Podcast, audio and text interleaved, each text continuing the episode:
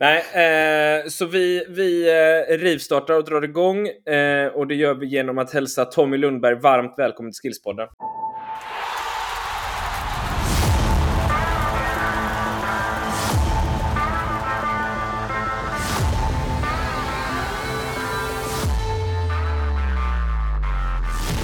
Tack så jättemycket. Otroligt glad är jag att du svarade när jag ringde och att tackar jag till att, att ställa upp här. Ytterligare ett proffs inom ett område där min och Anders kunskap är eh, ja, jag kommer använda ordet begränsad igen, men det är nog ännu värre eh, skulle jag tro. Vi har mycket åsikter om det, men eh, Mm. det ska vi komma in på lite senare. Eh, är det bra med dig Tommy? Jo, men det är jättebra. Tack så mycket. Absolut. Vi har pratat lite kort här innan vi drog igång Anders. Du har varit hos eh, rygg och benknäckarläkaren idag. Ja, jag har fått eh, Mm. min rygg justerad lite så vi hoppas att det går åt rätt håll. Och Tommy har Rakryggad. varit... Eh, var, rakryggad. Och Tommy har varit med i, vad var, sa vi, sydkoreansk tv? Var det? Sydkoreansk tv tror jag det var. Intervju Ja. via Zoom. Så att, eh, mm. Nyligen? Fullspäckad morgon. Ja, nu precis för Ja, det var eh, nu precis. 20 minuter sedan. Ja. jag hoppas att, eh, att våra ämnen ska vara lite mer lättsmälta. Eh, hoppas jag i alla fall. Ja, Eller men jag tror det. enklare att svara på. Ja, jag tror det. Eh, men vi kan väl börja, alltså vi, vi har ju mycket, vi har ju mycket ledare, eh, fotbollsföräldrar, och, och tränare, spelare och allt möjligt som lyssnar på den här eh, podden. Eh, kan inte du bara kort berätta lite vem du är? Mm. Nej, men absolut. Jag, jag får ju försöka säga någonting om min fotbollsbakgrund då, eftersom det handlar mycket Gärna. om fotboll eh, också. Eh, jag, annars jobbar jag ju akademiskt nu mest då på mitt huvud, min huvudsakliga syssla är ju att jag är eh, docent i fysiologi och jobbar med forskning och undervisning på Karolinska institutet. Eh, med mest träningsfysiologi och muskelfysiologi och, och sådant. Och det är ju det som har varit mitt stora intresse då. Men jag har ju en fotbollsbakgrund, jag har ju eh, spelat fotboll eh, hela livet höll jag på att säga. Men jag, jag är uppvuxen på, född och uppvuxen på Åland. Mm. Och eh, där blev, på den tiden då, jag är ju född 81, eh, på den tiden när man växte upp på 90-talet så hade vi ju inte som vi har nu, att vi har ett lag i högsta finska ligan i både på dam och herrsidan. Så att det blev så att jag och min tvillingbror Peter, vi flyttade till Norrköping och gick fotbollsgymnasiet där och spelade i IFK Norrköping i Tips Elite som det heter då, ungdomslaget där, mellan Mm. 16 och 19 års ålder. Och sen spelade jag lite, jag har spelat i de flesta divisionerna faktiskt. Eh, spelade lite där i trean och fyran i, i Norrköpingsområdet. Men sen flyttade vi hem då, eller jag flyttade hem och spelade i IFK Marhamn och var med på den här resan då när vi gick upp. Vi gick ju från tvåan till ettan och så rakt igenom ettan till finska Mm. ligan då, 2005. Spelade vi första säsongen i finska ligan och sen gjorde jag några säsonger där. Tills jag kanske insåg att jag inte skulle bli liksom Premier League-spelare eller så. Eh, så då, då tog väl det här intresset över då att eh, satsa fullt ut på de eh, akademiska studierna i, i träningsfysiologi då kan man säga. Men under den här tiden som jag spelade i Mariehamn så jobbade jag även på Ålands fotbollförbund. Numera är de väl heltidsanställda då alla spelare i, i Mariehamn, men på den tiden var vi inte det. Så jag jobbade som sportchef på Ålands fotbollförbund också och jobbade med ungdomsutveckling och tränarutbildning och tävling och ja, allting då. Det är ju ett litet förbund Mm. så jag gjorde väl allting egentligen. Mm. Och var lite distriktslagstränare och sådär. Eh, och eh, min tvillingbrorsa gick, fortsatte det, den banan sen och är förbundskapten idag i pojkar 19 i Finland. Så, Okej. att, eh, så jag har väl alltid behållit fotbollskontakten då, även om eh, eh, under några år i alla fall så var det absolut mest st- fokus på akademiska studier då. Men, men nu är jag tillbaka lite grann då, sen tre år tillbaka och det är väl så, tror jag, som ni har fått nys om mig, så har jag hjälpt Svenska Fotbollförbundet lite grann med deras Future Team-projekt då, som handlar om biologisk Precis. mognad och, och gör lite jobb för Hockeyförbundet också inom fysiologi. Så att det är ungefär kort vad jag gör. Är eh, skitintressant. Och, och, eh, har, du, har du någon insikt i, eh, var det Peter brorsan hette sa du? Mm. Har du någon insikt i hur, hur de jobbar så att säga med sina, sina ungdomsspelare? Ja, men ganska bra insikt. Jag hade ju insikt redan lite grann för länge sedan när jag jobbade på Ålands fotbollförbund i och med att vi var ett distrikt då inom Finland. Eh, och, eh, men de är också intresserade nu av det här konceptet som Sverige jobbar ganska aktivt med då, kring biologisk mognad och future team mm. och så. De, och de har en region där, västra Finland, som har kommit igång lite grann. Men de har inte riktigt börjat på nationell basis fullt ut med samma koncept. Då. Och det är väl som en del andra nationer att de också lite kämpar med finansieringen av eh, en sådan verksamhet och sådär. Eh, men mm. de är absolut intresserade. Jag upplever att hela det här fältet har ju kanske exploderat är ett starkt ord, men, men ändå intresset har stigit markant de sista åren. Eh, det, det är helt klart. Mm. Ja, vi, vi har ju varit inne lite på det innan. Vi, vi, vi har ju startat den här podden av en anledning egentligen. Eh, och det är väl för att både jag och Anders har varit lite oroliga för svensk fotbolls utveckling överlag.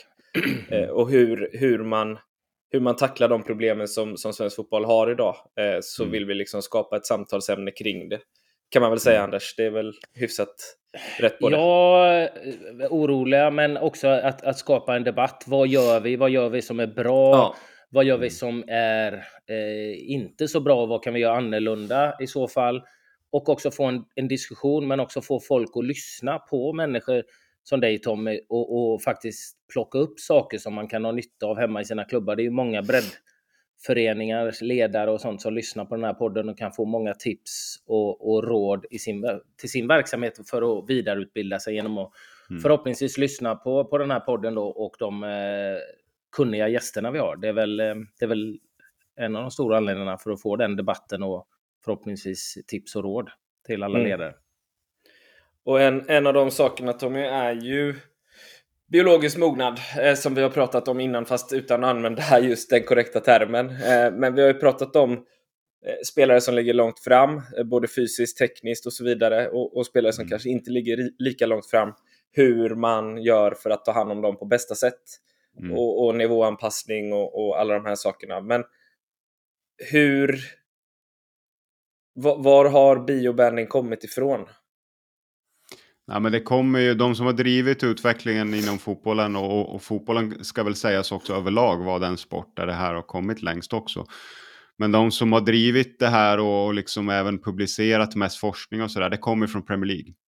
Och mm. då är det ju Premier League-klubbar och Premier League som sådan skulle jag säga som driver det, inte engelska fotbollförbundet. Premier League ligger långt framför fotbollförbundet när det gäller det här i mm. England. Eh, och där har man ju då vetat under en ganska lång tid då, eh, alltså den första insikten har väl varit det här faktumet att det finns ett väldigt stort mognadsbias i akademin då. Det, det har ju kommit publikationer från Manchester United och eh, Southampton och, och, några klubbar till då som visar att eh, i takt med att åldern ökar från 9 till 10, 11, 12, 13 och så vidare så blir det större och större mognadsbias då mot mm. tidigt mogna. Alltså att man verkar selektera mycket på tidig mognad. Mm. Och det här har ju varit ett bekymmer då för att man tänker ju sig att om man är tidig eller sen i puberteten, det är ju en temporär sak. Alla, alla blir ju fullvuxna till slut. Va? Så att mm. Eh, det säger ingenting om framtida potential, va? men ändå, till exempel den här Manchester United-datan som var publicerad, då, den visade ju att i nioårsåldern så är det helt normalfördelat mellan tidigt och sent mogna. Men sen i, i 15 och 16-årsåldern så är det 80 procent tidigt mogna som är kvar i akademin. Och, och, det där har visats från andra klubbar också. Och då, så det har väl varit led i det, att, att försöka hitta dels eh, när det gäller selektering och, och rekrytering och så där, att inte liksom selektera bara på fysisk mognad eller att bara premiera de som är tidigt mogna. Men, men sen har man väl också insett att det i spelarutbildningen så behöver de ju kanske ha en mer varierad spelarutbildning. Alltså att tidigt mogna spelare kanske behöver matchas ibland mot andra som eh, har kommit ungefär lika långt biologiskt som de. Då. Annars kan de ju förlita sig för mycket på sitt fysiska övertag och, och då försakar man ju ut, sannolikt utvecklingen i, i andra förmågor. Samtidigt som de som är sent mogna då kanske inte bara ska möta de som är huvudet större hela tiden, utan om de får möta de som är lite mer biologiskt matchade ibland så kan de visa andra e-, egenskaper, då, ledaregenskaper och att deras liksom, de kan dominera spelet mer och att deras tekniska och taktiska förmågor och så kommer fram mer. Så det är väl ur den insikten som liksom det här konceptet om just biobanding har, har fötts då. Och så, och så gjorde man ju några sådana turneringar med engelska Premier League-akademier och så har man mm. även sammanställt lite liksom, enkätresultat, vad spelare tyckte och hur spelet förändras i biobandformat och lite sådana saker. Då. Så på den vägen är det, men det är ganska nytt ändå. Vi pratar ju om en tioårsperiod ungefär bakåt. Mm. Men är, är det, påminner detta någonting om som man, nu har inte jag läst eh, jättemycket om det, men man har ju hört i, i i, i Belgien jobbade de inte lite med det. Man, jag mm. hört till exempel, man hörde ju om Eden Hazard som var väldigt liten, att han spelade inte med jämnåriga utan kanske med mm. de som var mer ja, i hans eh, mognad då, troligtvis yngre och, och sådär. Är, är det något liknande sätt de har jobbat i Belgien då, innan den här, de fick fram den här gyllene ja. generationen? Jo, men Belgien var ju tidiga med det här och de är ju lite grann liksom fadersnationen till, eh, om man tittar på liksom förbundsnivå, nationell nivå, mm. så är det ju de som startade det här med Future Team. Eh, och Sverige hakade ju på sen efter några år och kanske inte visste riktigt vad man gjorde och så i början, men eh, det har blivit mer och mer systematiserat. Och sen jag kom in då som på lite konsultbasis för tre år sedan så har vi liksom strukturerat upp det ytterligare då med liksom att vi mäter på de här utvecklingslägren nu för 15-åringarna inför, inför riksläger och, och landslagsuttagningar och sådär. Så, så det har blivit mer och mer systematiserat. Men Belgien absolut har legat i framkant om man tittar på nationsförbund och har även haft specifika events och så i olika regioner för sent mogna spelare i en viss åldersgrupp och sådär. Så att eh, man kan absolut se Belgien som lite föregångare eh, i början på det här, det tycker jag.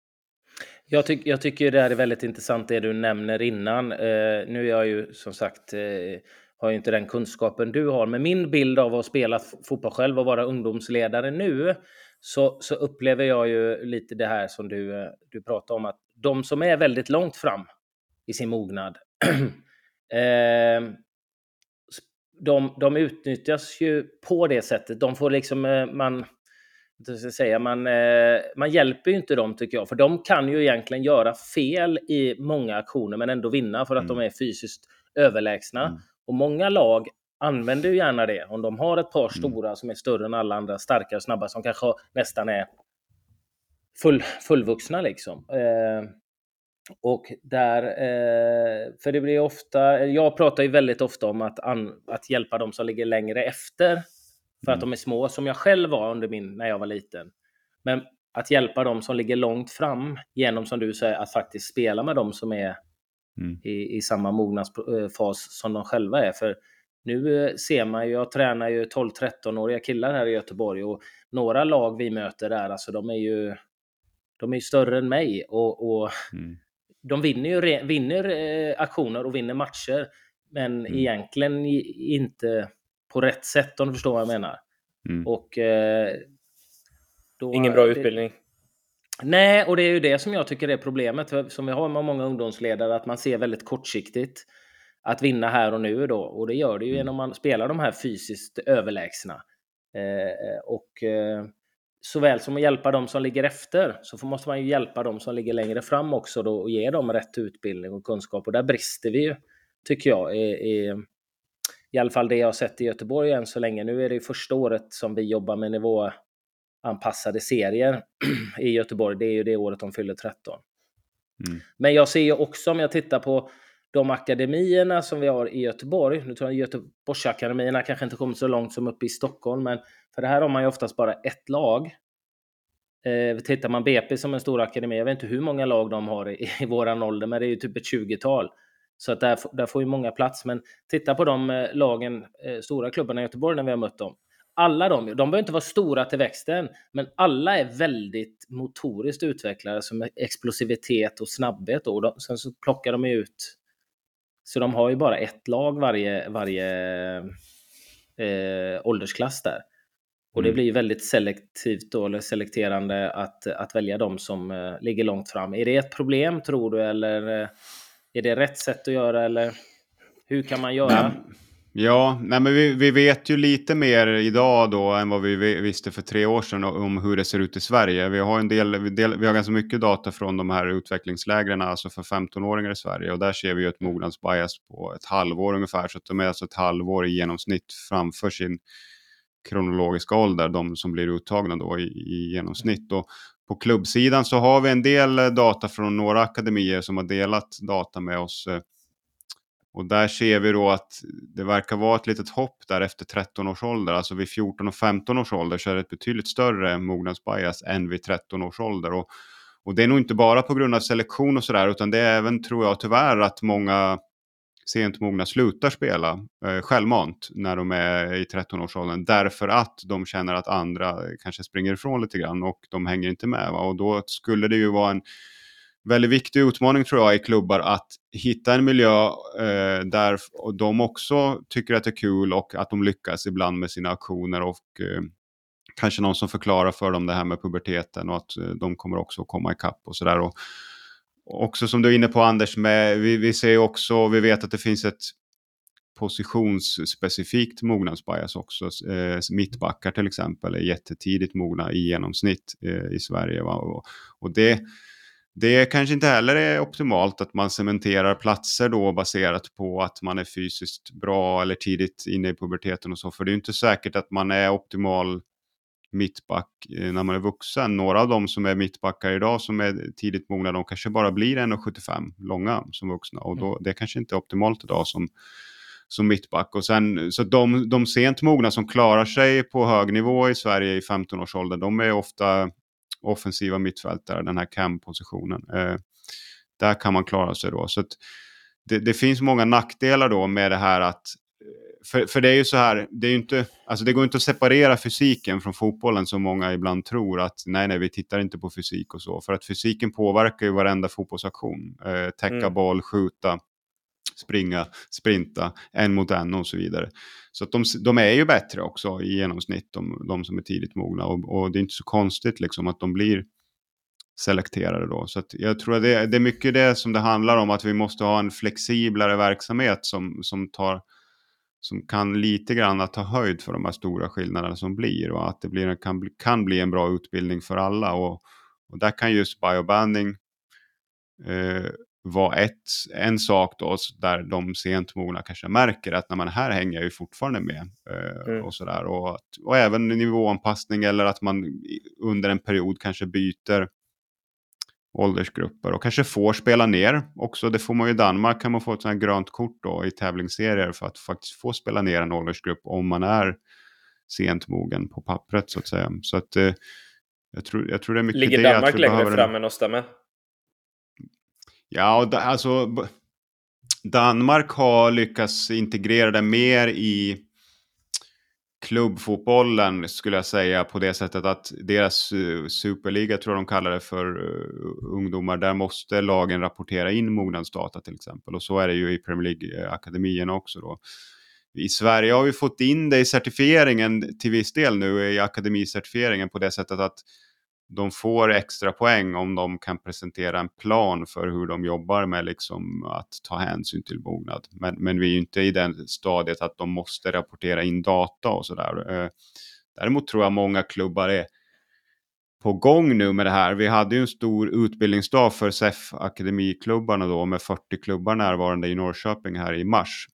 Mm. Och min upplevelse av det var att det var väldigt lyckat. Vi bjöd in några utifrån också, bland annat från Premier League då, eh, som berättade hur de jobbade. Och, eh, så att jag tror det är på gång i Sverige och att det förhoppningsvis eh, blir bättre verksamhet i framtiden kring det här. Mm. Tror du att det är någonting som man borde nyttja ännu mer? Alltså även i seriesystem och, och matchande barn och ungdomar emellan? Jag tror liksom som komplement i alla fall. Eh, det, vi kommer väl kanske inte ifrån det här att åldersindelning är ju liksom kanske, det har ju många fördelar med liksom det rimmar mot skola och så vidare, kompisar, det blir en eh, liksom stabilitet och trygghet och sådär. Men jag tror vi måste bli lite bättre då istället på att tackla de negativa aspekterna av åldersindelning. Och det är då dels den här mognadseffekten under puberteten men också relativa ålderseffekten då, att man har en fördel av att vara född på första första kvartalen och den effekten är ju tidigt. Va? Den, den måste man komma åt innan puberteten. För att den effekten finns redan innan och kanske ännu större innan puberteten. Eh, så det är de två stora problemen som vi bör bli lite bättre på att beakta om, eh, i och med att vi sannolikt kommer att ha kvar åldersindelningen eh, som grund i seriesystem och så. Sen tycker jag man kan ha kupper och biobandsfestivaler och så som man har i en del andra nationer då. Så att man får en lite större variation i spelarutbildningen. Det tror jag vore bra. Mm. Mm. Jag brinner, jag själv var ju, jag vet att jag nämnt det i många poddar, men jag var ju sent i utvecklingen. Jag var ju mm. väldigt liten. Jag var alltså inte på en enda ut, jag var inte eh, med i något stadslag eller något, jag var inte ens på en uttagning för det. Eh, och jag har ju flera kompisar som, som var med och även spelade i, i eh, pojklandslag och sånt där, som nästan var fullvuxna då och jag var mm. väldigt liten. Eh, men jag hade ju bra ledare liksom som lät mig mm. utvecklas mm. i min takt. Jag hade ju en, eh, låter väldigt ödmjuk när jag säger det, men en enormt hög spelförståelse. Mm. Skratta inte nu Marcus. Men, nej, nej, men jag, jag gillar när du inte är ödmjuk. Eh, Mer sånt det gör ju att jag själv brinner för just sådana spelare idag. Mm. När jag tränar i en breddförening och vi har väldigt, har jag märkt, väldigt, väldigt fysiskt litet lag. Mm. Och några av min, våra minsta spelare, jag ser ju någonting, de förstår fotboll när vi, jag lägger upp passningsövningar och sånt där. Men många av dem som ligger långt fram fysiskt, ja, är ju de som spelar till exempel i den högsta serien. Men de är ju inte i närheten av spelförståelsen som några av de andra som inte då spelar så, så regelbundet i den svåra serien. Mm. Men då har jag eh, en bakgrund och en kunskap såklart. Jag har spelat fotboll och jag har själv varit i den situationen, så jag vurmar ju väldigt mycket om dem. Men jag upplever att ett problem i ungdomsfotbollen är att kanske inte så många tänker så. Och då, då tappar vi väldigt många duktiga spelare för att de Mm. Som du säger, slutar vid 13 års ålder för att de är för långt efter och de kanske inte får mm. den uppbackningen för den kunskapen mm. finns inte hos våra ledare idag tycker jag. Och jag märker det när vi var på uppstartsträff i, i Göteborg här hur väldigt många ledare var det viktigt att vinna den här serien. Och de var mm. upprörda över att alla, det var för många lag och serien är ju bara fram till sommaren och sen så har man möjlighet att flytta nivå. Så det är en ny serie efter hösten, så alla hinner inte möta varandra. Och det var upprörd. Det var ingen jämn serie. Hur ska vi veta vilka som vinner serien och sånt där? Bara det snacket får i mig. Är det viktigt att vinna en serie i 12-13 års ålder? Eller är det viktigare mm. att utbilda spelarna? Mm. Och, och, och, då, blev, då blir jag ju orolig, för då blir ju ledarna, okej, okay, hur vinner vi matcherna här och nu? Jo, men det gör vi ju genom att använda dem som ligger mm. långt fram fysiskt. Liksom. Och då blir jag lite orolig. Vi hade ju, första matchen i serien i år mötte vi ett lag. Jag började och titta bara, men vad, vad är det som händer? De hade ju minst tre spelare som sparkade längre än mig och stö större än mig, kastade långa inkast. Sen tittade jag då efter på domarrapporten. Jag tror de hade en spelare i, i, i truppen. Eh, de hade en överårig med, men sen en spelare som satt på bänken mestadels i matchen var född efter mars. Mm. Och jag bara... Eh, men där, det, det, är någonting som oroar mig, att den kunskapen eh, finns inte hos eh, ledarna. Och därför är det så viktigt att utbilda ledarna. Och det är därför vi driver den här podden, att folk verkligen lyssnar på det. Eh, som sådana som du säger. Nej, men det är, ju, det är ju bra reflektioner och jag, det är inte helt lätt det där för att jag vet att ni har pratat om talangutveckling tidigare och det är mycket debatt om det också nu eh, i Sverige överlag. Och vi vill ju att det ska bli mer resurser och mer professionaliserat kanske i akademierna och, och mer pengar och, och heltidsanställda tränare och sådär. Samtidigt mm. så blir ju då vi, då får vi ju fram sannolikt duktiga tränare med stora ambitioner där de kanske ser resultat på kort sikt och så också som ett sätt att klättra då i, st i stegen. Va? Och, eh, vill man, har man 15-årslaget kanske man vill ha 17-årslaget och så vidare. Va? Så att det, det, jag tror det är väldigt viktigt för klubbarna att vara väldigt starka i sin utbildningsplan, eh, hur man ska jobba och inte ge för mycket utrymme egentligen åt trä, enskilda tränare att bestämma saker och ting, eh, hur verksamheten ska mm. ske, utan det ska ske på klubbens villkor. För att klubben om någon borde ju inse den otroligt stora vikten, alltså även ekonomiskt, om de skulle få fram bra spelare till det egna A-laget eller kunna sälja spelare när de är äldre. Va? Mm. Även om de fortfarande kanske är ungdomar. Så att det där är väldigt svårt. Va? Jag, för jag upplever att det, det, är ju på klubbsidan nog som vi ligger efter eh, andra nationer nu. Jag tror inte det. Jag har, det har ju varit lite om förbundet och så i media, men jag upplever inte att det jag upplever att Svenska Fotbollförbundet ligger jättelångt fram när det gäller tränarutbildning, spelformer och liksom den, den verksamheten som är deras uppgift egentligen. Va? Men det är liksom förbundet kan ju inte driva klubbverksamheten på något sätt eller liksom så, det, det är, och där, så där är det nog mycket en ekonomisk fråga då, att öka resurserna för, för klubbarna och akademierna. Men men det, det, det, är svårt för fotbollförbundet att driva det på något sätt. Det, det är ju andra, det har ju med ekonomi och 51 regeln och det är liksom många, det är, jätte, det är en komplex fråga. Men, men i slutändan så tror jag, som ni är lite inne på, att det är ju den dagliga verksamheten i klubbarna ända från barnnivå uppåt som mm. antagligen behöver vässas lite grann tror jag, för att det ska bli mm. ännu bättre. Och jag tror du är inne på det när du säger det där med att när enskilda tränare också har kanske lite för mycket att säga till om att klubben ska ha kanske en policy om hur man jobbar, hur man utbildar spelarna. Och, mm. och, och eh, ja, det här med ålder som du pratade om innan är ju, är ju bra, men det är ju ingen, det behöver inte vara något skam att spela med de som är ett år yngre heller. Att få fram Nej. det. Det har vi upplevt här, att flytta upp och ner i åldrarna. Och jag försökt så här, jag spelar med de som var födda 77, ett år yngre än mig då. Mm. Eh, i, liksom, det var till och med någon som var född 78 liksom och sådär det var ju bra för min, det visade sig vara bra för min utbildning och eh, min utveckling också. Så att, eh, det är ju därför vi vill ha det här att skapa en debatt så att folk lyssnar. Som, många, mm. många som lyssnar på den här podden är ju tränare ute, ute i mm. olika klubbar runt om i Sverige och vill säkert göra det, det bästa men har inte riktigt kunskap och, eh, och kunna hjälpa spelarna på bästa sätt eller hjälpa till. Nej, precis. Vad, jag tänkte på det, de här eh, uttagningarna och de här mätningarna. Vad är det man mäter? Och vi använder ju nu då en metod. Alltså det första jag gjorde när jag blev tillfrågad av förbundet att hjälpa till lite grann. Det var ju att jag gick igenom all vetenskaplig litteratur. Vad som har publicerats kring det här eh, fältet med mognad mm. och, och så. Det, det var ju mycket från Premier League. Och sen tog jag kontakt med några också som jobbade akademiskt med det här, men som även hade väldigt mycket praktisk erfarenhet då. Bland annat en som heter David Johnson som gör sin doktorsavhandling på det här, men också jobbar i, numera i West Hams akademi då, men tidigare i Bournemouth. För att prata lite grann hur de jobbar. Och ganska snabbt då så bytte vi metod för att, eh, hur vi mäter det här. Så vi använder en metod som heter Kamis Roche-metoden nu. Som, som är ganska enkel att genomföra. Det, det, är liksom inte praktiskt genomförbart att göra liksom röntgenundersökningar av skelettet och så på fotbollsungdomar. Så att vi den här metoden är, är, är, så, är, så, pass enkel då att den bara behöver eh, födelsedatum, längd, vikt och de biologiska föräldrarnas längd. Så då, då beräknar man då hur lång kommer den här spelaren att bli som vuxen. Och den formen har ganska bra precision då. Felmarginalen på pojksidan är 1,7 cm medianfelet. Och på, eh, eller 2,2 förlåt och på flicksidan 1,7. Då.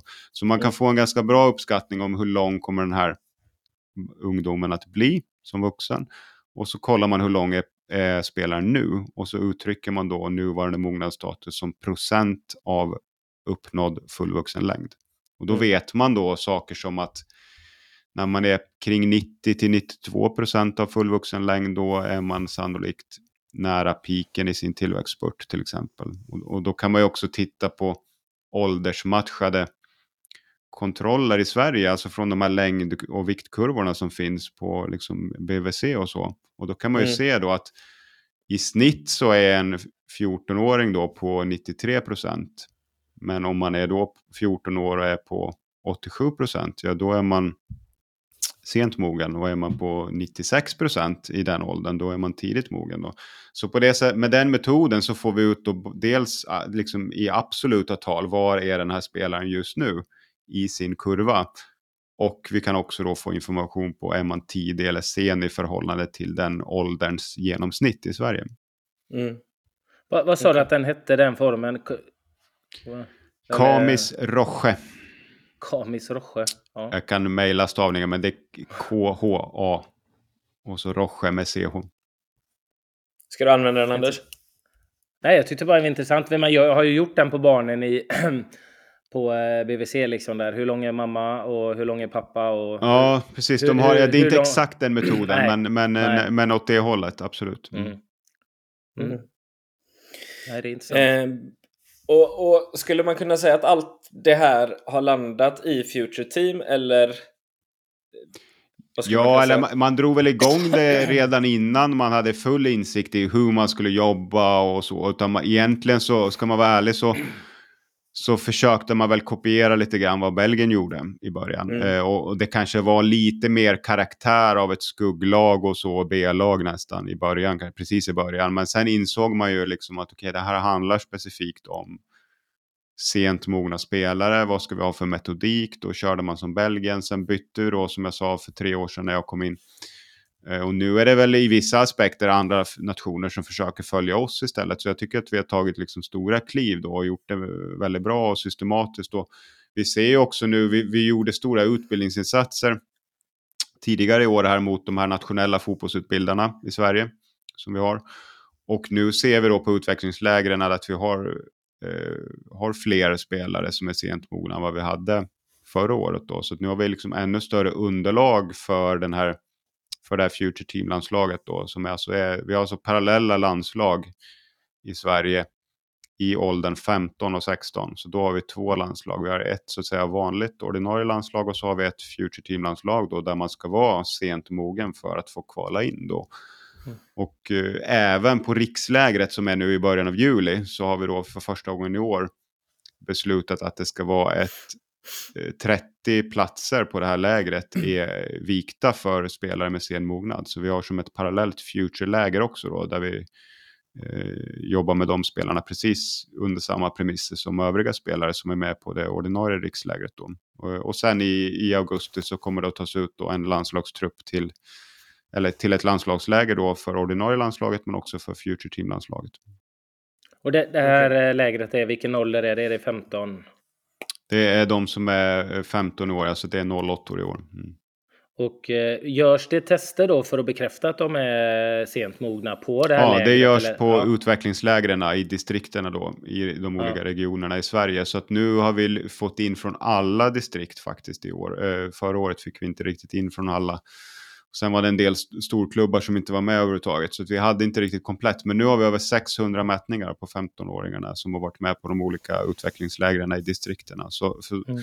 så från de här 600 då så har de valt ut nu 140 spelare till rikslägret och 30 spelare till eh, Future Team-lägret. Och, och de som är på Future Team-lägret då, de har en en genomsnittlig då mognad som är minus 0,66 år. Alltså de är Eh, Eh, över ett halvår senare än medel i Sverige. Och medeltalet på rikslägret, det ordinarie, det är 0,5. Så de är alltså ett år bakom i, i biologisk mognad än de andra som är med på rikslägret. Och, och det visar sig ju i längd och vikt. De, de är ju 12 kilo lättare i genomsnitt. Va? Så det, mm. när man ser de här lagbilderna så är det inte alls svårt att förstå varför de har svårt att konkurrera fysiskt med, med det ordinarie landslaget. Det, det är ingen tvekan om det. Så att de, de skulle ju inte få den här chansen, eh, de allra flesta. Det är några sent mogna med på ordinarie lägret, men, men inte många. Nej. Men det är, det är fortfarande de egna klubbarna som skickar spelare till de här distrikts... Eh, uttagningarna. Ja, och då, och till en början det... i alla fall. Sen, sen blir det ju de här nationella fotbollsutbildarna är ju med också och sen och väljer ut eh, och hjälper till och, och distriktslagstränarna då. Men, men ja. absolut, det, det ligger ju mycket på klubbarna från början, det gör det ju. Mm. Ja, och det är ju det jag då är orolig för till exempel att ledare där, de kan ha en som är jätteduktig men långt, långt efter. Men de, att de inte mm. ser det, för de ser bara de här som är fysiskt långt fram. Där är, mm. för det, det, är inte så att du skickar alla till det. Du skickar dem inte, okej, okay, vi skickar de här tre som ligger väldigt långt fram hos oss och så skickar vi de här två som, som är duktiga men de ligger fysiskt efter. Utan man skickar de typ tre till mm. fem bästa från sin klubb liksom. Mm.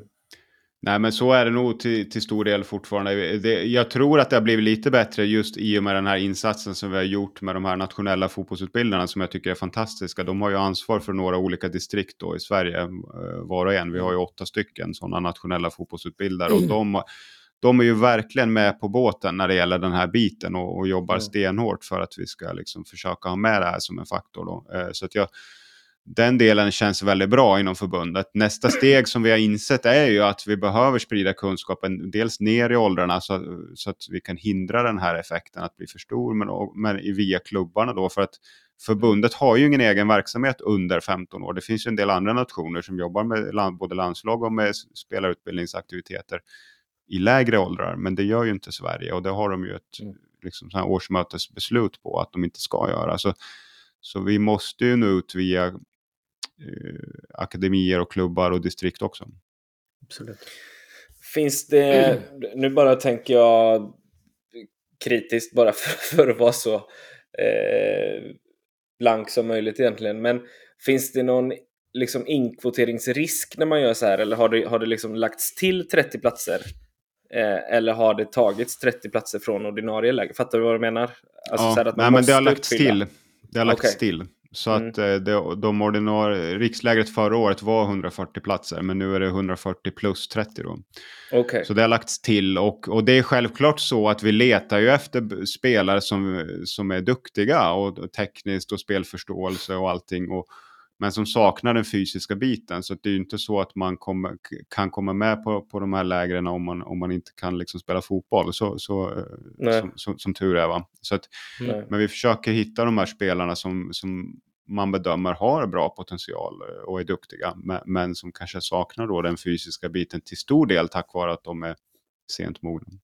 Och vi har ju haft många nu i U21, det kanske ni har sett i med, de är, ja. var det några medieartiklar nu, men det är ju väldigt många i U21-landslaget de sista åren som har kommit via Future-vägen. Eh, då Jesper Karlsson, eh, Hugo Larsson, eh, Otto Rosengren och så vidare. Senaste landskampen var väl halva startelvan tror jag från Future-spåret. Mm, så att jag, jag tror att det här är en bra väg att gå. För, för vi är ju ändå inte så pricksäkra med de här första landslagen ändå. Tittar man på dem, vi gjorde nyligen en sammanställning, de som har spelat i A-landslaget de senaste tio åren. Eh, 2011, då kanske du var med då Anders, 2011, du spelar väl efter 20? Ja. Sista 2013. tio åren. Och då är det 23 procent eh, som har spelat i P15-landslaget. Eh, mm. Så att det är ju 70, det är ju över 75 procent som inte har spelat. Va? Sen stiger det ju så att när man är på U21-nivå så är det 80 procent av A-landslagsspelarna som även har spelat i U21. Då, så det stiger ju. Men så ser det ut i alla nationer. Och det är ingen, mm. som, ingen som har liksom ingen som kan eh, mycket om det här fältet som tror att vi ska kunna öka den prick, pricksäkerheten jättemycket. Det, det tror jag är orimligt för det är så många faktorer som styr. Eh, och, men jag tycker ju att eh, alltså, det har ju gått mer mot utbildningsläger än, än de här rena liksom, tävlings, eh, att man ska vinna till varje pris ändå. Så att jag tycker att det, det är väl på rätt väg ändå. Tror jag. Mm, det tycker jag med. Jag tycker det är jättebra. Det är, det är roligt att höra liksom att man satsar och, och, man verkligen jobbar med att se spelare som kanske har en stor potential men som inte är fysiskt där. Och man får mm. dem att behålla och få en bra utbildning och sen är det ju roligt som du säger att, att eh, så många sen ändå kommer därifrån den vägen och sen upp i, mm. i uh, U21 och så vidare. Det är, mm. det är mm. jättekul att höra. Och jag tror det är helt rätt väg och, och det glädjer mig att, att Sverige eh, har börjat med det och att det, att det att det går så bra. Mm. Finns det, några, finns det några andra saker? För jag menar, du, du har ju en relativt gedigen fotbollsbakgrund också. och, och eh, sådär. Fin, finns det några, något annat område som du skulle vilja utveckla ännu mer i svensk fotboll? Det kan vara i samband med detta också, eller kopplat till detta. Ja, nej, men det, det, är väl dels det, den här som jag pratade lite grann om, alltså bredare spelarutbildning. Och jag tror att det här med biobanding och lite mer flexibilitet eh, gör att vi kan utbilda spelarna och utmana dem mer. För det är ju det som utvärderingarna visar också av de här biobandsformatet. Det är ju att de som är tidigt mogna, de upplever också att det blir större utmaning. Mm. Och de tvingas ställa uh, sina liksom, tekniska kvaliteter på annat prov och sådär. Så jag tror mm. att det, det formatet att ibland bryta av med biobandsveckor eller träningar eller så, det, det kan stimulera både sent och tidigt mogna spelare på ett bättre sätt. Sen tror jag på sikt vi, vi behöver, man blir ju lite sådär pragmatisk som liksom forskare, man inser ju också att det, det, är ju i takt med att fotbollen också blir mer professionaliserad och det blir liksom svårare och svårare att nå eliten. Alltså det blir en mer genetiskt selekterad population som kan nå eliten. De ska vara snabba och explosiva och en viss kroppstyp och sådär då inser man ju också att eh, det är ju inte alla som kommer att kunna bli elitspelare och då inser man också att eh, i en liten nation som Sverige så är det viktigt att många börjar med fotboll och spelar fotboll så länge som möjligt så att man liksom inte exkluderar halva populationen i onödan för att man inte har system som kan ta hand om dem. Så det är ju mycket den här devisen så många som möjligt, så länge som möjligt och så bra som möjligt. Alltså de tre stöttepelarna måste man jobba med i Sverige. Många, fotboll ska vara attraktivt, många ska börja. Det ska mm. finnas en flexibilitet i föreningsverksamheten som gör att många vill fortsätta. Och sen då att spelarutbildningen är vass och, och, och bra. Och det är väl kanske där med spelarutbildningen och det är väl det som debatteras mycket nu, vad man kan göra eh, bättre. Och jag, jag tror ju att ganska mycket handlar om resurser ändå. Mm. Alltså, vi mm. ligger ju långt efter många andra nationer när det gäller liksom pengar som läggs på akademi och, och, och tränare och spelarutbildning. Och, det, och det går ju in då i någon slags samhällsfrågor nästan med liksom föreningsregler och, och, pengar och vad det ska satsas på. Men jag tror väl att det där är en stor utveckling kanske behöver ske. Kanske träningsmängd också till viss del på yngre åldrar kanske. Som man ju i alla fall mm. ser att en del andra länder kör ganska mycket mer. Men, men det är svårt att säga. Ja, för det är många som är rädda över hur mycket vi tränar idag. Och belastning och sånt där, det har vi varit inne på väldigt mycket innan. Du hävdar då att vi, vi, belastning kanske inte är ett så stort problem i unga åldrar idag? Nej, eller? Alltså barn kan ju träna hur mycket som helst nästan om ja. de tycker det är roligt. Det är ju mer mm. det att alltså, problemet med mycket träning det är väl dels kanske att någon kanske måste sluta med någon annan idrott som man tycker om eller någon tycker att det blir för mycket och för tråkigt men att man skulle liksom bli övertränad eller så det, det mm. förekommer ju knappt.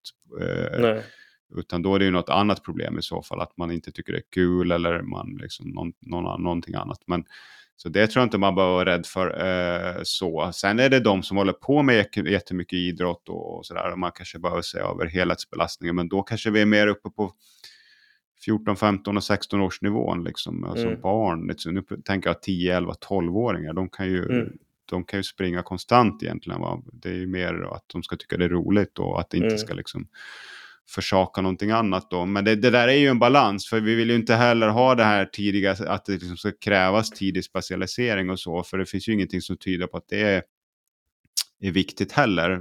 Många Nej. håller ju på med, av de duktiga, håller ju på med flera idrotter samtidigt och sådär tidigt och får en väldigt bra liksom, utbildning. Men det, det, det måste väl också hjälpa det... grundmotoriken också? Ja, men det gör ju det. Och sen det finns ju många som är oroliga idag för att man kanske det är mindre spontanidrott och sådär. Samtidigt så tror jag att de som verkligen idrottar mycket, de jag tror inte det, det drabbar dem så mycket, utan det kanske mer drabbar den populationen som kanske ändå inte blir eh, fotbollsspelare sen då. Så att, eh, men, men det mm. kan vara så kanske att om det blir mindre så, så kanske det ökar kraven på föreningarnas eh, utbud också, att det kanske måste vara lite större, att man kanske måste ta lite större ansvar, eventuellt än vad man behövde göra tidigare då. Men, men jag tror i alla fall att man kan konstatera att det är ju, det är ju inte så enkelt som vissa för fram att liksom bara fotbollförbundet skulle göra si eller så eller bara vi skulle ha tabeller eller bara vi skulle, alltså eh, det, det, är ju en komplex fråga givetvis med många olika aspekter eh, för att få det så bra som möjligt.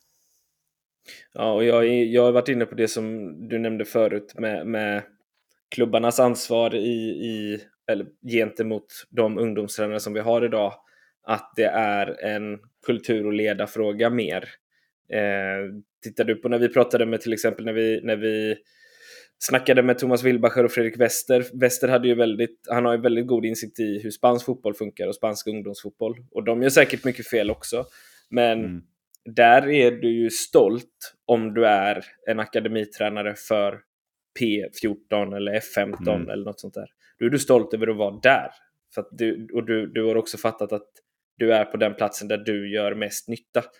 Mm. Du, du kommer inte att gå upp i rang inom citationstecken bara för att du vinner 10 av 12 matcher en säsong så att du får träna äldre. Det handlar inte mm. om det.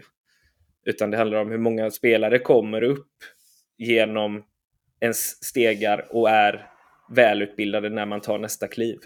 Att det handlar mer om det. Och jag tror att det är den pucken som vi måste behandla lite mer i Sverige, kanske.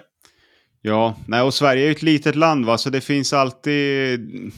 Jag kan tycka att det finns en liten farhåga i att det blir för centraliserat kring vissa toppakademier också. Att det liksom ändå mm. finns en risk att det smalnar av utbudet för mycket. Speciellt om, om det väl blir väldigt mycket fokus på tävling och resultat mm. och, och så.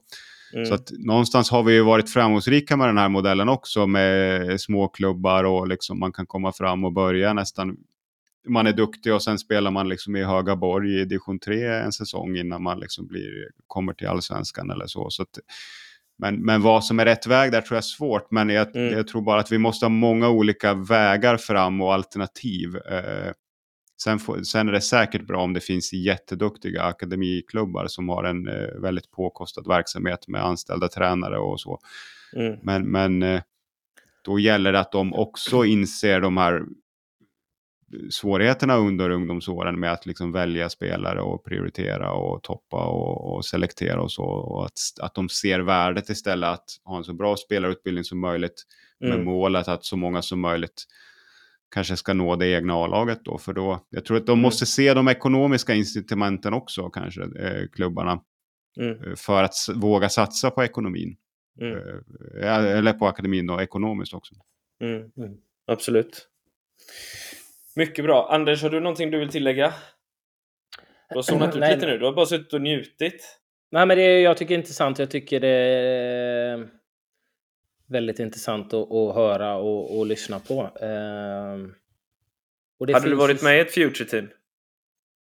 Uh, ja, jag, jag tror nog att jag hade kunnat få chansen att vara med på någon någon uttagning där. Jag låg ju långt fram fotbollsmässigt, men jag låg ju väldigt långt efter eh, fysisk mognad. Så att, eh, det är väl mm. möjligt, men jag tycker det är intressant. Jag tycker lite som vi varit inne på här, eh, Tommy, också att förbundet gör väldigt många bra saker. Jag är ju till exempel helt för det här med, med slopandet av tabeller som har varit väldigt kritiskt. Det, det är liksom... Eh, mm. Det är snarare, jag skulle, nu är våra 13 och nu har vi tabeller. Jag skulle gärna slopat det ett par år till. För mig är det helt oviktigt liksom. Jag vill ju ha utmanande matcher och där, där fokuset är på just utveckling och utbildning av spelarna och där du mm. säger att verkligen ha en, en bra spelarutvecklingsplan och att klubbarna ser hur, vad är det viktiga, det är hur många spelare vi får upp i, i vårt egna A-lag. Det ska ju vara målet, inte att vi vinner F5 eller mm. 15-årsserien eller så vidare, eh, vidare. Vi pratar väl, tror det var det inte Häcken som sa det att de Jo. Jag jämförde där Martin Eriksson, eh, sportchefen, som jämförde två olika årgångar där en årgång vann Eh, om det nu var 17 eller U19 eller vad det nu var och eh, liksom jättebra. Men det var ingen spelare därifrån som kom upp och representerade A-laget. Sen hade de en, en, annan trupp. De vann inte serien liksom, mm. men det var typ 3, 4, 5 spelare därifrån som har fortsatt och sen tagits upp i A-laget. Att det är viktigare att man ser till spelarnas utveckling. Eh, mm. Så jag, jag, tycker det är väldigt, jag tycker det är väldigt intressant, men det är ju också som du säger mm. väldigt komplext och svårt.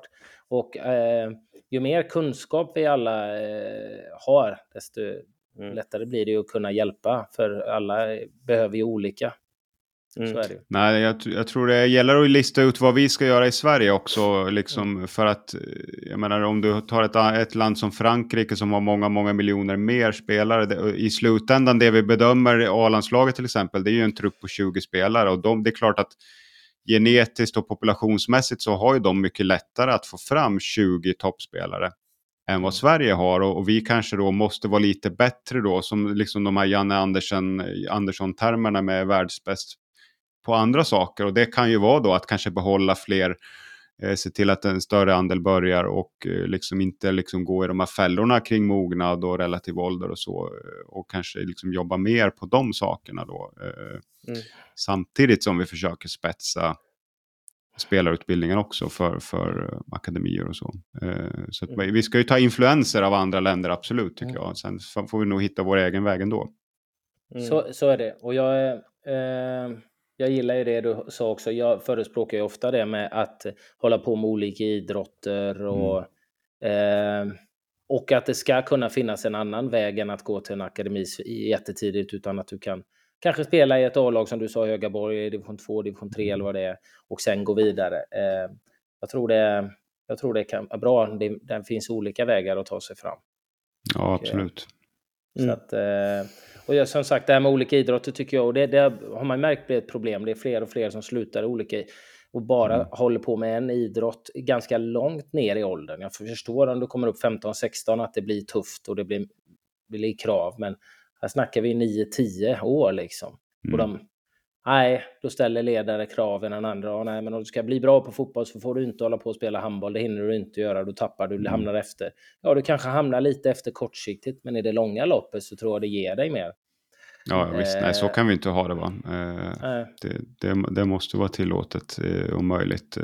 Men alltså, samhället förändras ju så att vi behöver ju ha mer flexibilitet överlag antagligen i vår idrottsorganisation också. Hur, utbudet och att det kanske ska vara mer på liksom, ja, frivillig basis eller att man erbjuder träning på olika nivåer och sådär. Och, och så. Det, det är ju så samhället, det är ju det här on demand on demand-samhället ser ju lite annorlunda ut idag jämfört med tidigare. Så är det ju. Mm, mm.